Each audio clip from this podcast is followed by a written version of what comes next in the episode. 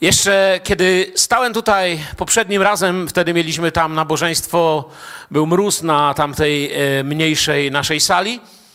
Pamiętajcie, pamiętacie, być może mówiłem na temat małej dziewczynki uprowadzonej przez armię Aramu, przez y, Namana do swojego domu. I owa mała dziewczynka, przysłuchując się temu, co się działo w domu y, jej pana, uprowadzona poza domem, takie to były czasy. I pomimo tego, kiedy dziecko usłyszało, że Naman jest chory, powiedziało do swojej pani, gdyby on znał proroka, który mieszka w moim kraju. Oczywiście parafrazuję, żeby tylko przypomnieć. I tak się potoczyła sytuacja od króla z ważnymi dokumentami, z ważnymi pieniędzmi. Powiedziałem wam, że wtedy obiecałem, że dzisiaj powiem dokładnie, ile miał przy sobie pieniędzy. Wyruszył w kierunku Izraela, wyruszył na spotkanie z Eliaszem, bo z Elizeuszem, przepraszam. Jak powiem jeszcze Eliasz, to zawsze mnie poprawiajcie Elizeusz. Dzisiaj jest tylko Elizeusz. Dzisiaj mówiłem właśnie do grupy uwielbienia, że już miałem w mojej karierze kaznodziejskie kazanie, kiedy mówiłem całe kazanie o Elizeuszu, ale ani raz nie użyłem słowa Elizeusz, mówiłem Eliasz. I całe kazanie o tym nie wiedziałem.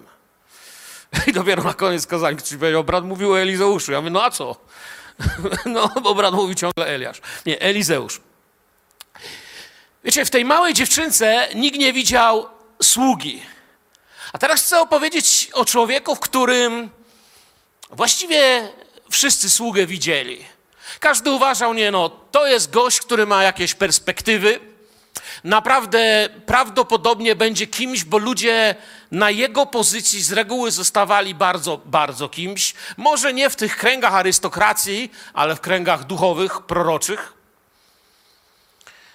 Chciałbym, byśmy może dla tła najpierw, żeby złapać to duchowe tło naszej dzisiejszej opowieści, przeczytali z drugiej Księgi Królewskiej od piątego do, od, od, przepraszam, druga Księga Królewski, piąty rozdział od 15 do 19 wersetu. To jest to tło. Wraca Naman uzdrowiony, Bóg go oczyścił z trądu, mała dziewczynka poradziła, jak to się ma stać. Elizeusz oczywiście nie robił żadnych wielkich znaków, cudów, tylko przez posłańca powiedział, idźcie chłopie, zamocz parę razy, będziesz zdrowy. On oczywiście się gniewał, jak to ja, taki ważny człowiek, mam się tylko zamoczyć.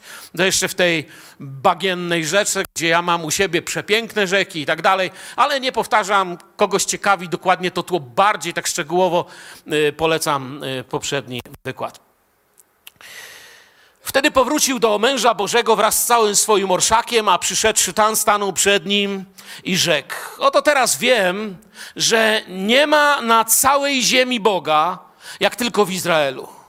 Przyjmij zatem teraz dar dziękczynny od Twojego sługi. Lecz on odpowiedział: Jako żyje Pan, przed którego obliczem stoję, że nic nie przyjmę, a choć nalegał na nie, aby przyjął, stanowczo odmówił.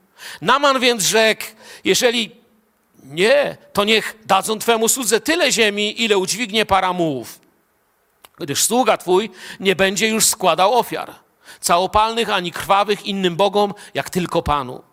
W tej jednej sprawie niech tylko Pan będzie pobłażliwy dla Twego sługi, mianowicie gdy władca mój wstępuje do świątyni Rimonna, aby tam oddać pokłon, a wspiera się na moim ramieniu, to ja muszę oddawać pokłon świątyni Rimona. Gdy więc ja oddaję pokłon świątyni Rimona, niech Pan będzie pobłażliwy dla Twego sługi w tej jednej sprawie. Wtedy rzekł do niego Elizeusz, idź w pokoju. A gdy odszedł od niego kawał drogi, i tu się kończy ta historia. Dla nas może być dziwne, że poprosił o coś takiego. Wiemy, że Bóg nie ma innych bogów, nie będziesz miał innych bogów przede mną i tak dalej. Powiedział. Wiecie, ja jestem przekonany, z lekkim uśmiechem to tutaj mówię, że Elizeusz wiedział. Jeżeli ten człowiek poznał Boga, to to wszystko, co teraz mówi, nie ma znaczenia. Będzie w tym poznaniu wzrastał i, i zrobi swoje. Idź z Bogiem. Czy Biblia opowiada nam o Bożej łasce? Boża łaska, trędowaty wojownik idzie, obmywa się, doświadcza błogosławieństwa, wraca, chce zapłacić. I w tym świetle tej działającej Bożej łaski, w cieniu, tak bardzo niewidocznie, wiecie, gdyby nie Duch Święty, my byśmy nawet tego nie zauważyli. Bo to, o czym dziś mówimy, zauważył Duch Święty. I On jakby w tą historię to wsunął, pokazał nam to dla naszej lekcji, ponieważ w cieniu, poza naszymi oczami, Niewidoczni bez światła Ducha Świętego działają ludzie, dla których ta łaska nie ma znaczenia. I taki człowiek tam się pojawił w pobliżu. Nazywał się Gehazi, jak pamiętacie. Właściwie, gdyby nie, nie Bóg, to tak jak powiedziałem wcześniej, y, my byśmy, zobaczcie na to, co o nim wiemy. Gdyby nie Bóg, my byśmy o nim nic nie wiedzieli, o tym, jak on kombinuje. Ponieważ zostało to objawione, odsłonięte dla naszej lekcji, dla naszego pouczenia. Pierwsza część tej historii to była właśnie taka prosta, zwykła wiara. Dziewczynka powiedziała, gość pojechał, doświadczył Bożego uzdrowienia i w całym tym świadectwie uzdrowieniu nie liczyło się, kto jest kim, ale liczyła się wielkość Boga. Nikt nie pytał o stanowisko i tak dalej. Teraz widzimy po prostu nie prostą wiarę, ale po prostu zwykłą zachłanność. Naman wraca do domu Elizeusza. Doświadczył uzdrowienia, a więc czuje, że powinien przyjechać powiedzieć dziękuję. Jest arystokratą, jest wysokiego rodu. Tacy ludzie y, myśleli o sobie, że ja to wiem, jak powiedzieć dziękuję. Ja wiem, jak się odwdzięczyć. Potrafię się odwdzięczyć. Więc 40 kilometrów wraca z powrotem do domu Elizeusza, aby nie tylko się odwdzięczyć, ale też dać świadectwo swojej wiary. I wyznanie Namana, że jest tylko jeden Pan Bóg, przynosi właściwie trochę wstydu, jeśli chodzi o Izrael w tamtym czasie. Ponieważ to właśnie Izraelici mieli wtedy problem z tym, czy jest jeden Pan Bóg. To oni wtedy, to był ten czas, kiedy budowali sobie różnego rodzaju bałwany, świątynki, czcili wiele bóstw. I nagle ten poganin mówi, jest jeden Bóg. Trochę mi tu przypomina kogoś, kto był na dużo wyższym stanowisku niż on, a mianowicie król Nebukadnezar. Pamiętacie, czy Nabuchodonozor, jak niektórzy nazywają, jak wolicie, obydwie nazwy są właściwe owego króla. Jedna jest hebrajska. Ale on też powiedział, teraz ja, Nebuchadnezar, i wyznał Boga po tym, co doświadczył, prawda? Pomimo, że był otoczony bałwochwalstwem. Tutaj to samo dzieje się w życiu Namana. Wierzył, że tylko Pan że tylko Pan jest Bogiem, a Izrael w tym czasie wierzył, że Pan jest Bogiem, Baal jest Bogiem i jeszcze parę innych bożków, które czcili. I spotkanie z Bożą realnością uczyniło z tego pysznego żołnierza sługę. Wcześniej uwierzył w stanowisko, znajomości, pieniądze, no bo tak zresztą działało tamto społeczeństwo. A teraz przeciwstawia temu swoje wyznanie wiary. Idzie i chce zapłacić, ale Elizeusz nie weźmie. Jest kilka powodów, dlaczego Elizeusz nie weźmie tych pieniędzy.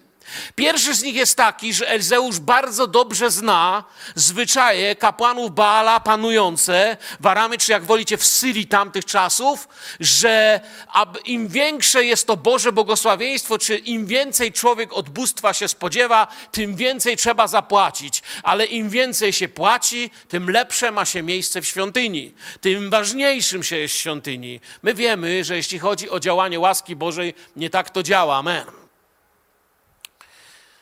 Elizeusz nie weźmie. Wie, czym są pieniądze w pogańskich kultach, i Elizeusz nie przyjmuje niczego z syryjskiego bogactwa, okazując tym, że ich wyrachowanie, ich motywy, ich te sposobiki, żeby być kimś, nie mają znaczenia, chociaż jestem pewny, że robi to bardziej dla innych, ponieważ Naman rzeczywiście jest wstrząśnięty tym, że Bóg go uzdrowił i nie ma wątpliwości, że tego doświadcza. Nie biorąc pieniędzy. Po trzecie, po ostatnie i najprawdziwsze, pozwala podziwiać tylko Bożą łaskę. Bez pieniędzy, nie pytając, kim jesteś. Wiecie, Namanowi się wydawało wcześniej, kiedy powiedział, jak to, gniewał się, pamiętacie? Nikt nie wyszedł, ja myślałem, że wielki prorok wyjdzie, podejdzie do mnie. Wtedy wam w pierwszej części tłumaczyłem, Naman nie był dowódcą, który, wiecie, gdzieś tam jeden w jakiejś skromnej szacie podróżował. To był człowiek podróżujący z zastępem, z chówcem, z chorągwiami, specjalnym proporcem, mówiącym kim jest, jakie ma stanowisko i tak dalej. On mówił, spodziewałem się, że no, no czerwony dywan i w ogóle, i specjalne słowa i tak dalej. Hołka, jak parobka, jak chłopca na posyłki. Nawet się ze mną nie spotkał. Swojego posłańca posłał i ten posłaniec za bardzo też nie tłumacząc zbyt wiele powiedział, idź się wykąp, będziesz zdrowy. Ale kiedy to zrobił, odkrywa siłę wiary. Zrób, co ci powiedzą. Zrób to, co mówi Bóg, a będzie działał. A więc można było tu podziwiać tylko Bożą łaskę. Po odmowie darów Naman daje właśnie tą kolejną prośbę, czy wyraża, która nas tak tutaj dziwi, że no wie, że jako jeden z tych dowódców musi z królem wstępować do innej świątyni, są tam inne, y, jest inne wyznanie, czczą Baala i tam inaczej różne nazwy mają swoje. Pokazuje jak poważną też przemianę przedduchowo. Zwróćcie uwagę, że to nie Elizeusz pyta go, no a co z tą religią, którą ty wyznajesz? Bo często, kiedy my komuś głosimy, to my pierwsi pytamy, słuchaj, a to już wyrzuciłeś, wiecie, ja znałem jednego gościa, który się nawrócił i żonie pościągał wszystkie obrazy i wyniósł na śmietnik. Zgadnijcie, nawróciła się żona czy nie? Oczywiście się nie nawróciła. Stwierdziła, że jest nienormalny. Ponieważ zamiast najpierw pozwolić działać łasce, on najpierw jej pościągał obrazy, które dla niej były największą świętością. Skąd ta bidula miała wiedzieć, jak całe życie jej mówili, że to jest święcone i to pościągał, wyrzucił do kosza i jeszcze, wiecie, pytał się, jakie jest nasze zdanie. No myśmy powiedzieli to, co wy. I mniej uprzejmie nawet. To się pogniewał. Bardzo się pogniewał. Dlatego, że Elizeusz nie pyta go, no a co z tą nie? On sam czuje, że, że coś nie gra, nie? No ale panie, jedna rzecz, ja, ja teraz muszę iść tam do tej świątyni, a ja wiem, że tylko Bóg jest Bogiem. To pokazuje jego poznanie. Idź w pokoju. To nie jest czas rozmawiać teraz o tym. Elizeusz wiedział, co się będzie dalej działo. Naman nie, nie tylko nie ma już trądu, ale nie ma już swojego Boga, starego Boga, ma teraz nowego Boga. I taki jest cel Bożego działania. To się miało stać. Cel Bożego działania w Twoim, moim i Jego życiu był taki, abyśmy poznali. Cała Biblia jest natchniona przez Ducha Świętego i dana nam, byśmy poznali Ojca, który dał Syna, który tak umiłował świat, że dał Jezusa, abyśmy poznali Jego charakter, Jego osobę, Jego cnoty, Jego dobro. Taki jest cel Bożego działania. Bóg nie chce jedynie, żebym się pozbył problemu i starych związań. Bóg poszukuje relacji. Zawsze to powtarzamy że najważniejszą rzeczą przy Bogu jest być obok. Być obok, nie wiedzieć, nie móc albo nie móc, ale być obok. W tym jest nasz ratunek. Być obok Pana, być w Panu, być przy Panu. Wiecie, często kiedy ludzie doświadczają Bożej dobroci, nie czynią Boga swoim Bogiem. Naman, Naman o tym nie zapomniał. Widzimy, jakie są jego myśli. Nie należał do tych ludzi, o których Pan Jezus w innym wypadku spytał kiedyś. Pamiętacie? Jezus uzdrowił dziesięciu trędowatych i zapytał, ciekawe czy czytelnicy, szczególnie nowi nasi zborownicy pamiętają, co Jezus pytał, a gdzie jest ten jeden, czemu tylko dziewięciu przyszło, tak czy nie? No ja tu proszę tych, co 30 lat tu są, żeby się nie odzywali. ja wiem, że wiecie. Chwała Bogu, tak? Jezus pytał, gdzie jest dziewięciu, bo tylko jeden gość przyszedł i, i to jeszcze Samarytanin. Nie? Przyszedł podziękować, bo to jest to, czego Bóg oczekuje. Naman ma nowego Boga i przychodzi do rzeczy bardzo konkretnie. Wie, że kiedy wróci, będzie musiał iść z królem do świątyni, która dla niego już nic nie znaczy. Mocno się tym martwił, trapił, i, bo to było bóstwo, któremu oddawał cześć. Co to było w ogóle za bóstwo, jeśli chcecie wiedzieć? Jakiemu bóstwu pokłaniał się władca Syrii? A jest takie powiedzenie, Kiedyś ktoś mnie spytał, co jest gorsze, palenie papierosów czy wódka. Cieka była moja odpowiedź? Ten sam diabeł, tylko w innym opakowaniu. Mniej więcej taka jest teologiczna odpowiedź na to, co czcił władca, który rządził w kraju Namana. Dlatego, że Syryjczycy nazywali go Ra-na-nu. Ra-na-nu mówili co oznaczało pan grzmotów. Ale było to bóstwo najczęściej identyfikowane i połączone ze zwykłym kananejskim Baalem. Czyli dokładnie to samo, ten sam problem, co w Izraelu. Jak mówię, ten sam diabeł, tylko w innym pudełku. Naman prosi, by Elizeusz nadal pozwolił mu pomagać królowi, co wymagało właśnie tego wprowadzania do świątyni i tak dalej. Myślę, że tak kończąc ten wątek, bo chcę coś innego zupełnie dzisiaj pokazać, że gdyby mu Elizeusz powiedział nie, już nie możesz więcej wejść, to albo by został w Izraelu, albo by stał się męczennikiem tamtych czasów. Myślę, że już by nie wszedł, ale pozwala mu odejść w pokoju. Wracaj, pokaż, kim jest Pan. Wracaj i powiedz innym, kim jest Pan. Idź i po prostu bądź sobą. Tak bym to sparafrazował. I powiem tak. Uzdrowiony był Naman, czy nie? Uzdrowiony. Zapłatę przyjął Elizeusz? Pojechał chłop do domu?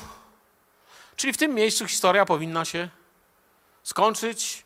Tu w tym miejscu powinno być napisane i żył długo i szczęśliwie. Chwała Bogu, pojechał do domu, jest Bóg w Izraelu i powinna Biblia przejść do dalszego rozdziału. Niestety coś jeszcze się dzieje. Niestety historia w tym miejscu się nie kończy i to jest ten moment, dla którego to wszystko tak długo opowiedziałem, aby was tutaj, przyjaciele, doprowadzić. I idziemy dalej. Druga królewska od 20 wersetu dalej. Gehazi, sługa Elizeusza, męża Bożego, pomyślał sobie.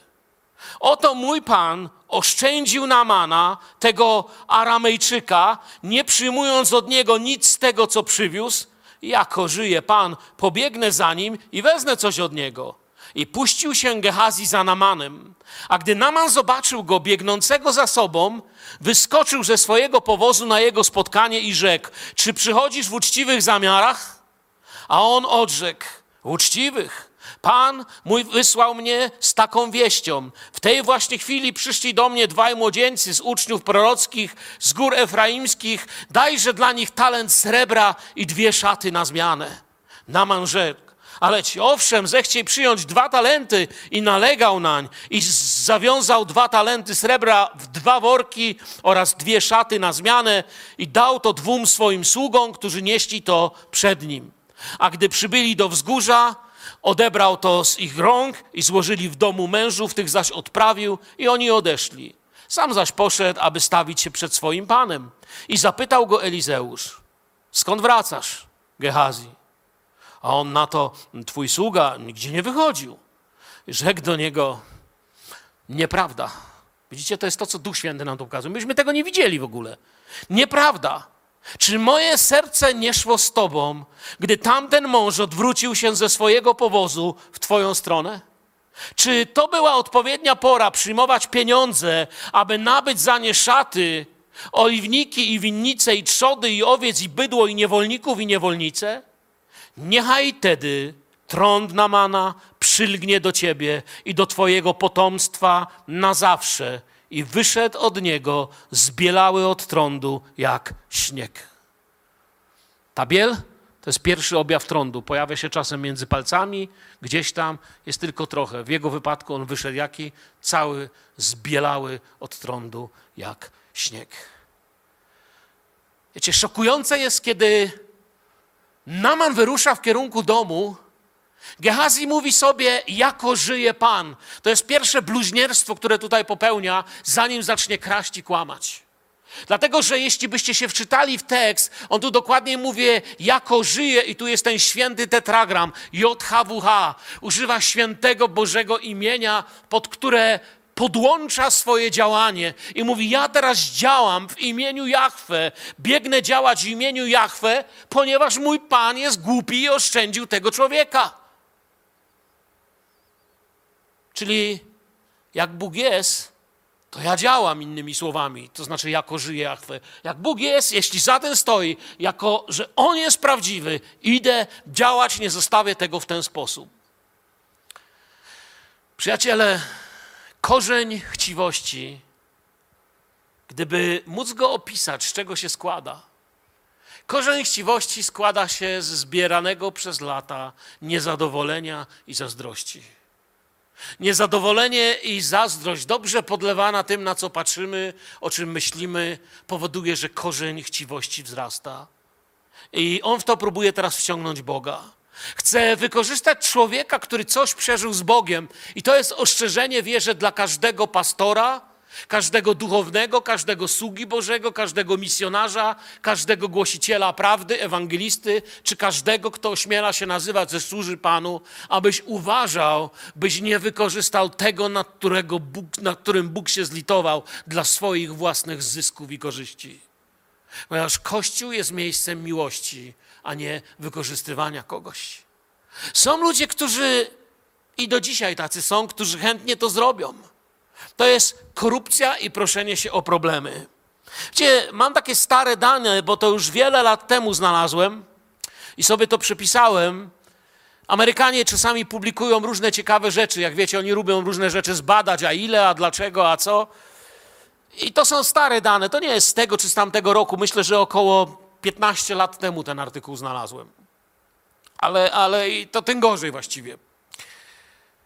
Jeśli chcemy mieć bożków i honor tego świata, będziemy mieć również problemy tego świata. I wiecie, przeprowadzili takie badania anonimowe, że człowiek podchodził i oferował zamordowanie swojej rodziny albo swojej żony, męża i tak dalej, i oferował pieniądze przypadkowej osobie.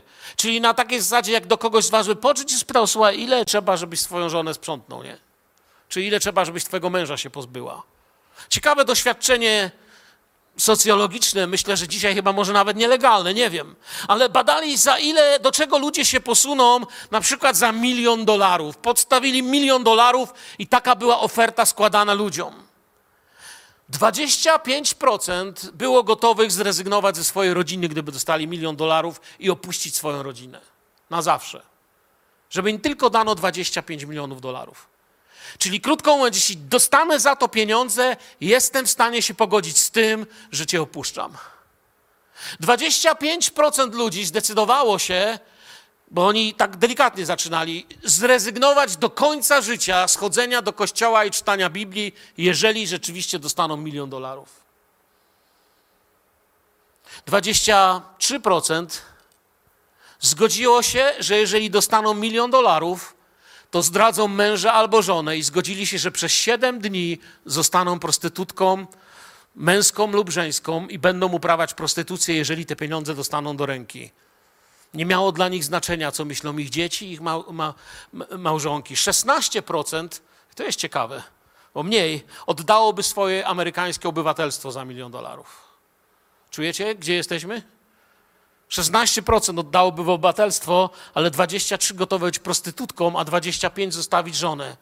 16 rzuciłoby swojego małżonka na zawsze. 13% oddałoby swoje dzieci do adopcji albo do domu dziecka, gdyby takie pieniądze im ktoś zapewnił. Potem sumę podniesiono do 10 milionów. Ludzie byli gotowi na wszystko. Nawet byli gotowi myśleć o pozbyciu się współmałżonka, a procent tamtych poprzednich pytań znacznie się powiększył. Nie mam reszty artykułu, tak tylko wam daję do myślenia. Z tej historii, wracając nam do Namana i Gehaziego, który pobiegł za człowiekiem, który doświadczył Bożego błogosławieństwa, dowiemy się wielu rzeczy, ale dowiemy się też, gdzie się podział trąd i gdzie się podziało złoto czy pieniądze Namana. Wiecie, on miał dwa trądy – chorobę i bałwochwalstwo. Z obydwóch Bóg go uzdrowił. Wyszedł wolny od trądu z tej wody i tak się cieszył, że w tej radości uzdrowienia sam zapytał o świątynię i o to, co ma dalej robić, ponieważ Bóg go uwolnił z wszelkiego grzechu, który gno, gnębił i przyciskał jego życie. Ale obydwa te grzechy się odnajdują w życiu kogoś, kogo byśmy się nie spodziewali. W życiu ucznia prorockiego.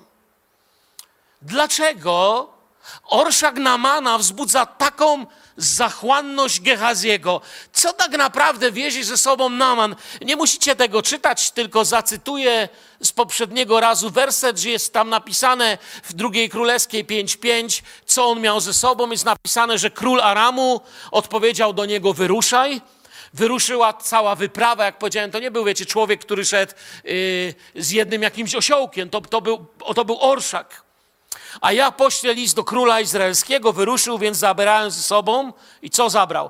Dziesięć talentów srebra, sześć tysięcy cyklów złota i dziesięć ubrań zamiennych. Dlaczego zabrał aż tyle? Bo to nie jest mało, kochani. To pokazuje desperację i walkę o życie. Ktoś powie, ale to jest naprawdę dużo, kto się zna na rzeczy. Powiem wam tak, jeżeli wejdziecie na różnego rodzaju rzutki, i fundacje dobroczynne, które ratują dzieci, zobaczycie, ile dziś ludzie potrzebują zebrać, żeby uratować swoje dziecko, swoje życie. Ludzie cenią sobie zdrowie. Zdrowie kosztuje. Naman był zdesperowany. Był człowiekiem, który miał piękny pałac, miał wpływy, miał wszystko, tyle właśnie, że był chory. I Naman tak naprawdę ma przy sobie, powiem ile, Ma przy sobie za mało, by zapłacić za życie. Ma przy sobie dość, żeby ktoś mu mógł zazdrościć. Pieniądze. Jeden z psychiatrów powiedział kiedyś: Wolę leczyć ludzi bogatych niż ludzi biednych. I najpierw się na niego oburzono i go zapytali, dlaczego. On mówi: Wolę leczyć bu- ludzi bogatych, dlatego że już zwątpili, że coś się zmieni, jeśli mieliby dużo pieniędzy. Bo bogaci jeszcze ciągle się łudzą, bo biedni się ciągle jeszcze łudzą, że gdyby mieli pieniądze, to mógłbym więcej zrobić. Co miał Naman przy sobie w swoim transporcie, które niosły muły, owce i tak dalej, te zwierzęta? Miał 10 talentów srebra. Ile to jest tak dla nas, żebyśmy sobie potrafili wyobrazić, ale też korzystać ze współczesnych miar, żeby, no, żeby tak trochę mm, mieć. A więc 10 talentów srebra to znaczy 500 kilogramów srebra. 10 talentów to jest 500 kilogramów. Czujecie? Pół tony. Czyli na, dzisiejszy, na dzisiejsze pieniądze to się nam źle przelicza, dlatego że kurs, który dzisiaj sprawdziłem na 25.01.23, czyli dzisiaj, to jest samym srebrze Naman wiózł ze sobą milion dziewięćset trzydzieści tysięcy złotych, z czego musicie pamiętać, że wtedy na przykład za osła dawało się parę, parę srebr, jakieś około 70 srebrników. Srebrnik to jest coś tam oś- oś- 0,8 coś tam, nie? To ogromną ilość pieniędzy wiezie. 6 tysięcy sykli złota i tu się dopiero zaczyna zabawa. Dlatego, że 6 tysięcy sykli, przeliczając na nasze dzisiejsze miary, Naman wiezie ze sobą, żeby zapłacić za swoje zdrowie 72 kilogramy złota. Licząc według kursu z dzisiejszego dnia, na mule czy ośle Namana, gdzie jedzie 72 kg złota, czyli pewnie nawet na dwóch, jedzie na dzisiejszy kurs 18 milionów 583 776 zł. Słyszycie? To jest to, co ten człowiek wiezie, żeby uzyskać uzdrowienie. Szaty, które w tamtych czasach musisz też pamiętać jedną rzecz, że dzisiaj na przykład, jeśli cię stać, kupujesz sobie, nie wiem, Nike, Adidasa, czy tam jakieś modne inną firmę i po prostu je ubierasz. Dawniej w starożytności, a i w średniowieczu również było tak, że jeżeli pochodziłeś z biednej warstwy społecznej, to nawet gdybyś miał piękną szatę, nie wolno ci jej było nosić. Były kraje, w których jeżeli biedak, jakiś pastuch czy wieśniaczka przebrałaby się na przykład w piękne ubrania, w piękne szaty, sama z siebie, oczywiście nie gdyby tego król chciał czy ktoś, ale tak sama z siebie, to nawet karano to śmiercią. Szaty, które biedakowi nie wolno było nawet przymierzać wtedy, były warte na dzisiejszy przelicznik według uczonych, według teologów żydowskich około 20 tysięcy naszych złotych. Czyli kilka zmian ubrania wartych 20 tysięcy złotych. Piękne szaty. Widzicie, to jest to miejsce, gdzie krzyżują się dwie drogi. Gehazi zmienia tu swoją drogę, idzie za uzdrowionym zamiast za Panem. Biegnie tam, gdzie się stał cud, by się stać bogatym, a nie tam, gdzie jest Pan, aby dalej błogosławić. Uprawiać zaczyna coś, co zaczyna zaglądać do portfela, ale nie w Boże serce. Odkrywa, że większy zysk przynosi bieganie za cudami, jak chodzenie za sprawcą cudów. Co zresztą dziś też jest modne. Ewangelia Marka mówi nam, że takie cuda będą towarzyszyć. Natomiast problem współczesny polega na tym, że ludzie chcą towarzyszyć cudom, a nie cuda towarzyszyć ludziom. Coś obróciliśmy odkrywa, że mu to przynosi większy zysk. Nic nowego. Jego imię jest też ciekawe. Gehazi, długo nie trzeba myśleć, w tłumaczeniu oznacza skąpy i chciwy. Rodzice, nie wiem jak go nazywali, ale, ale tak się nazywa w Biblii. Tłumaczy się jako skąpy i chciwy. Widział wiele Bożego działania, ale to jest nasza lekcja dzisiaj. Widząc wszystko, co Bóg robi, ten człowiek nie zadbał o siebie, nie przyjął tego do siebie, nie potraktował Boga jako kogoś realnego, pomimo że widział realne działania Boga, uznał, że jego to nie dotyczy i nie przestał kochać siebie. Taki trochę praobraz, pratyp Judasza. To jest bardzo ważne. Jesteś pośród nas. Ja jestem pośród Was, Ty jesteś pośród nas, jesteśmy Kościołem.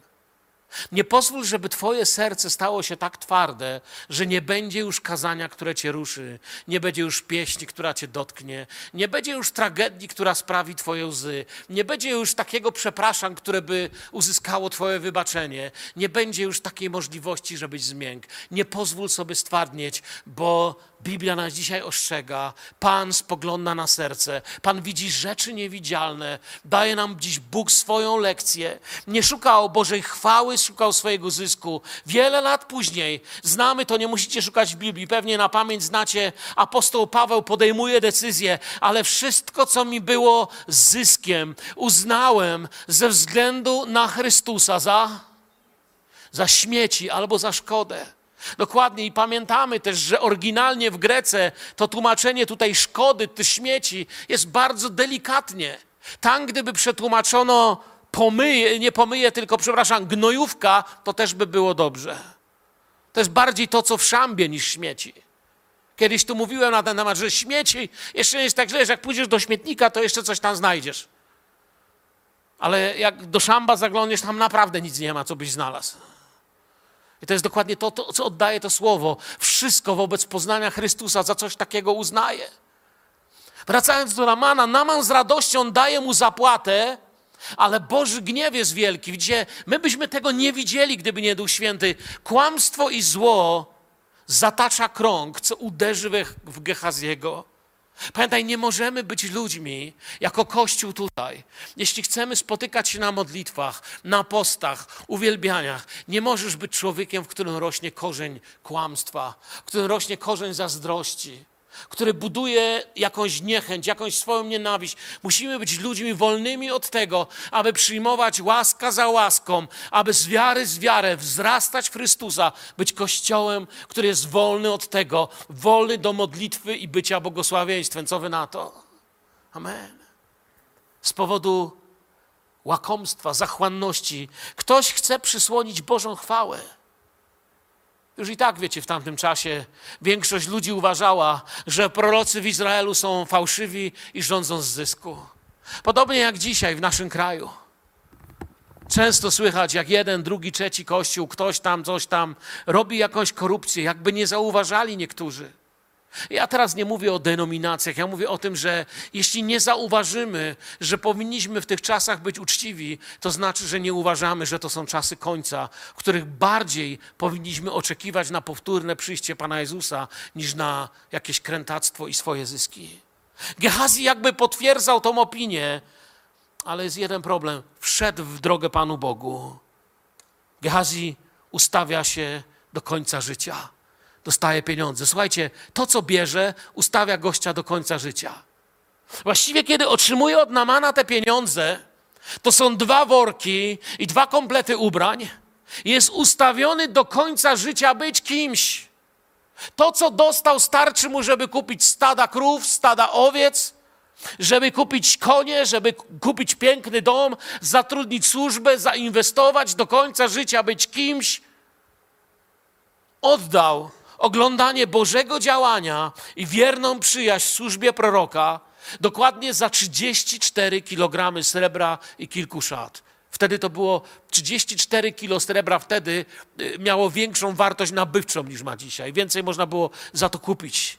Dwóch ludzi idzie w dwóch różnych kierunkach i niosą dwa różne worki. Dwóch ludzi idzie w dwóch różnych kierunkach. Jeden niesie w worku do domu pustynną ziemię Izraela, ponieważ zmienił grunt, na którym planuje prowadzić swoje życie.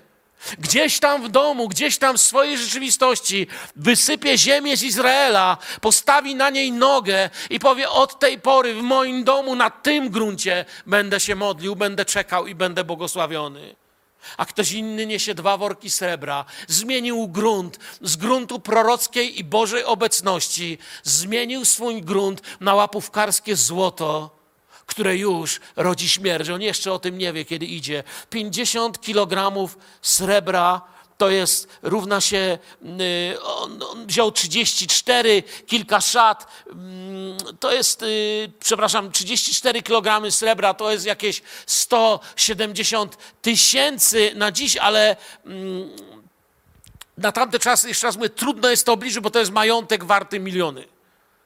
Bo wtedy, nie wiem, krowa czy owca nie kosztowała tyle, co dziś, bo my dziś przeliczamy, nie?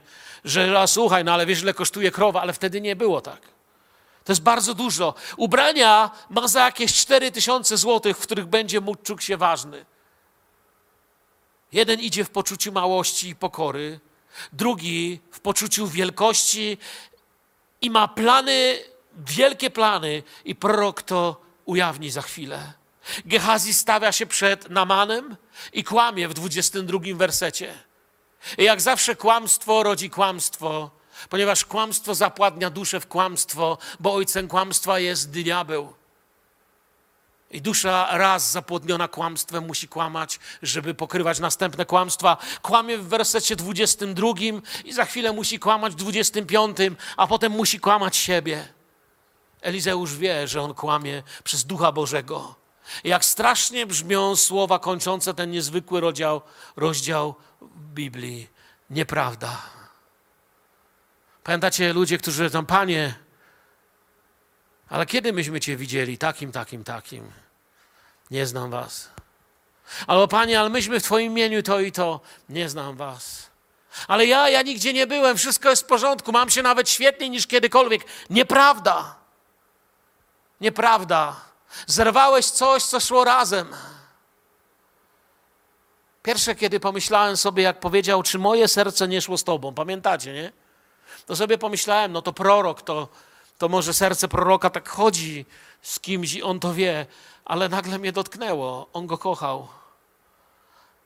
Bo, bo sobie przypomniałem, że moje serce z wami chodzi. I że wy nosicie mnie w sercu. Kiedy byłem chory, wasze serce szło mną i pisaliście do mnie, Mirek, chociaż to było tylko przeziębienie, ale byliście obok. Kiedy ktoś z nas jest w szpitalu, w szpitalu, nasze serce idzie z nim i piszemy do niego, modlimy się, otaczamy go modlitwą, postem i opieką. Kiedy komuś z nas się źle dzieje, kiedy kogoś z nas tu brakuje, czy wasze serce nie idzie za nim i nie tęskni? Bo moje tak. Wiecie, prorok mu powiedział coś więcej niż tylko ja widziałem. Kochałem Cię, synu. Moje serce szło z Tobą, szliśmy razem drogami. Chodziliśmy razem do to same miejsce czcić Pana. Razem nas połączyło coś, co Bóg nam dał. Moje serce szło z Tobą. Wtedy też, gdy tamten mąż odwrócił się ze swojego powozu w Twoją stronę, to już jest bardzo prorocze. Czy to była odpowiednia pora przyjmować pieniądze? I prorok teraz mu objawia plany jego serca aby nabyć za nie szaty, oliwniki, winnice, trzody, owiec, bydło, niewolników i niewolnice. To jest to, co zaprzątnęło jego serce. Nie być, ale mieć. Niechaj tedy trąd Namana przylgnie do ciebie i do twojego potomstwa na zawsze. I wyszedł od niego, zbielały od trądu jak śnieg. Dobrze napisał Jakub. Gdy porządliwość pocznie, bo porządliwość musi począć. Nigdy nie jest tak, że jesteś święty, pełny Ducha Świętego, ciach, upadasz. Gdy porządliwość pocznie, pocznie, pocznie jest związane z również z zapłodnieniem. Mówiłem, a ojcem kłamstwa jest diabeł. Pocznie rodzi grzech, a gdy grzech dojrzeje, rodzi śmierć. I znów ten sam kusiciel przychodzi i mówi: Jesteś zerem. Chcę, żebyś był drugi raz nieposłuszny. Pierwszy raz człowiek jest nieposłuszny, kiedy zgrzeszy. I wtedy przychodzi i mówi: Boże, wybacz mi. I zgrzeszyłem. I Biblia mówi, że Bóg jest łaskawy i nam wybacza. Amen, jest tak czy nie? Ale diabeł się nie zadowoli tym, żebyś ty był posłuszny. Co? Tak mu Bóg wybaczył? Nie, nie, nie, nie. Coś ci powiem. Tego się wybaczyć nie da. Szczel se w łeb. Powieś się, skończ sobą. Oni ci tylko tu w kościele tak mówią, że masz wybaczone. Nikt ci tego nie zapomni.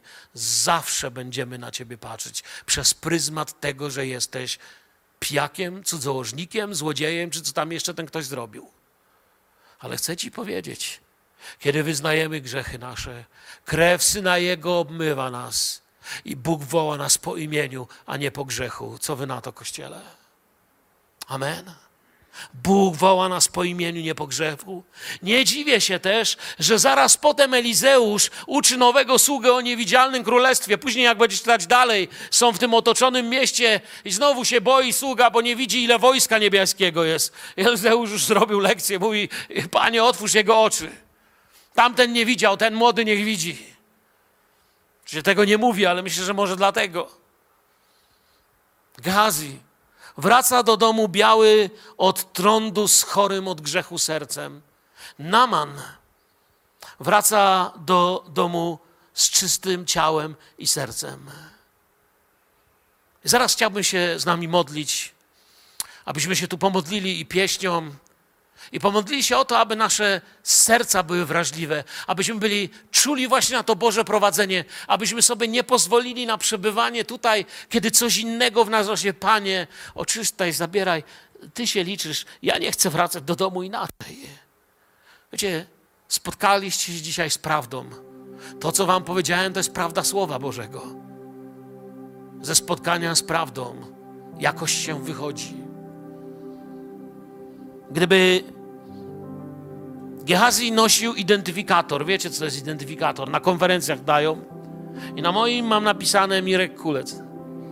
Gdyby Gehazi nosił identyfikator, to na swoim miał napisane sługa Elizeusza, męża Bożego. Tak go przedstawia Biblia. Zobaczcie na dzisiejszy fragment. Pod koniec tej historii na identyfikatorze, jeśli nie byłby biały od pleśni i trądu, byłoby napisane trędowaty. To czego pozbył się Naman, kończy służbę u Elizeusza w ciele i duszy Gehaziego, dokonując zła. To, czego pozbył się Naman,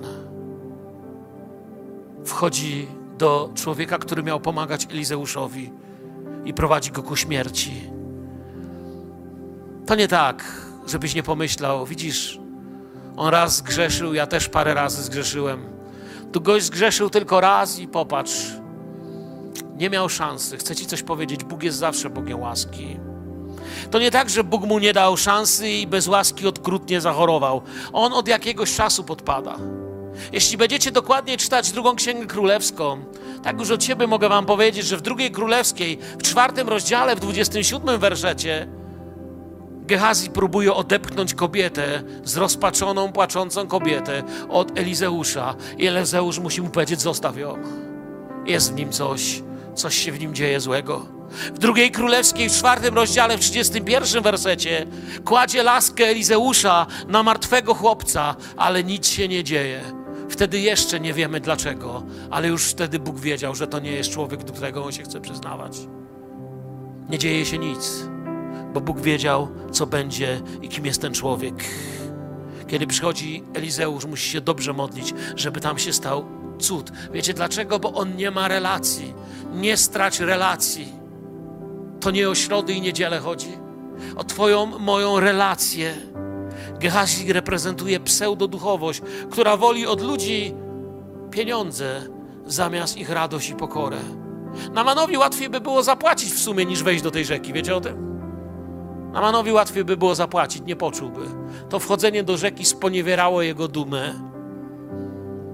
Diabeł dzisiaj też by chciał, żebyśmy się stali takim kościołem, w którym łatwiej ludziom dać pieniądze, niż naprawdę pójść za Chrystusem.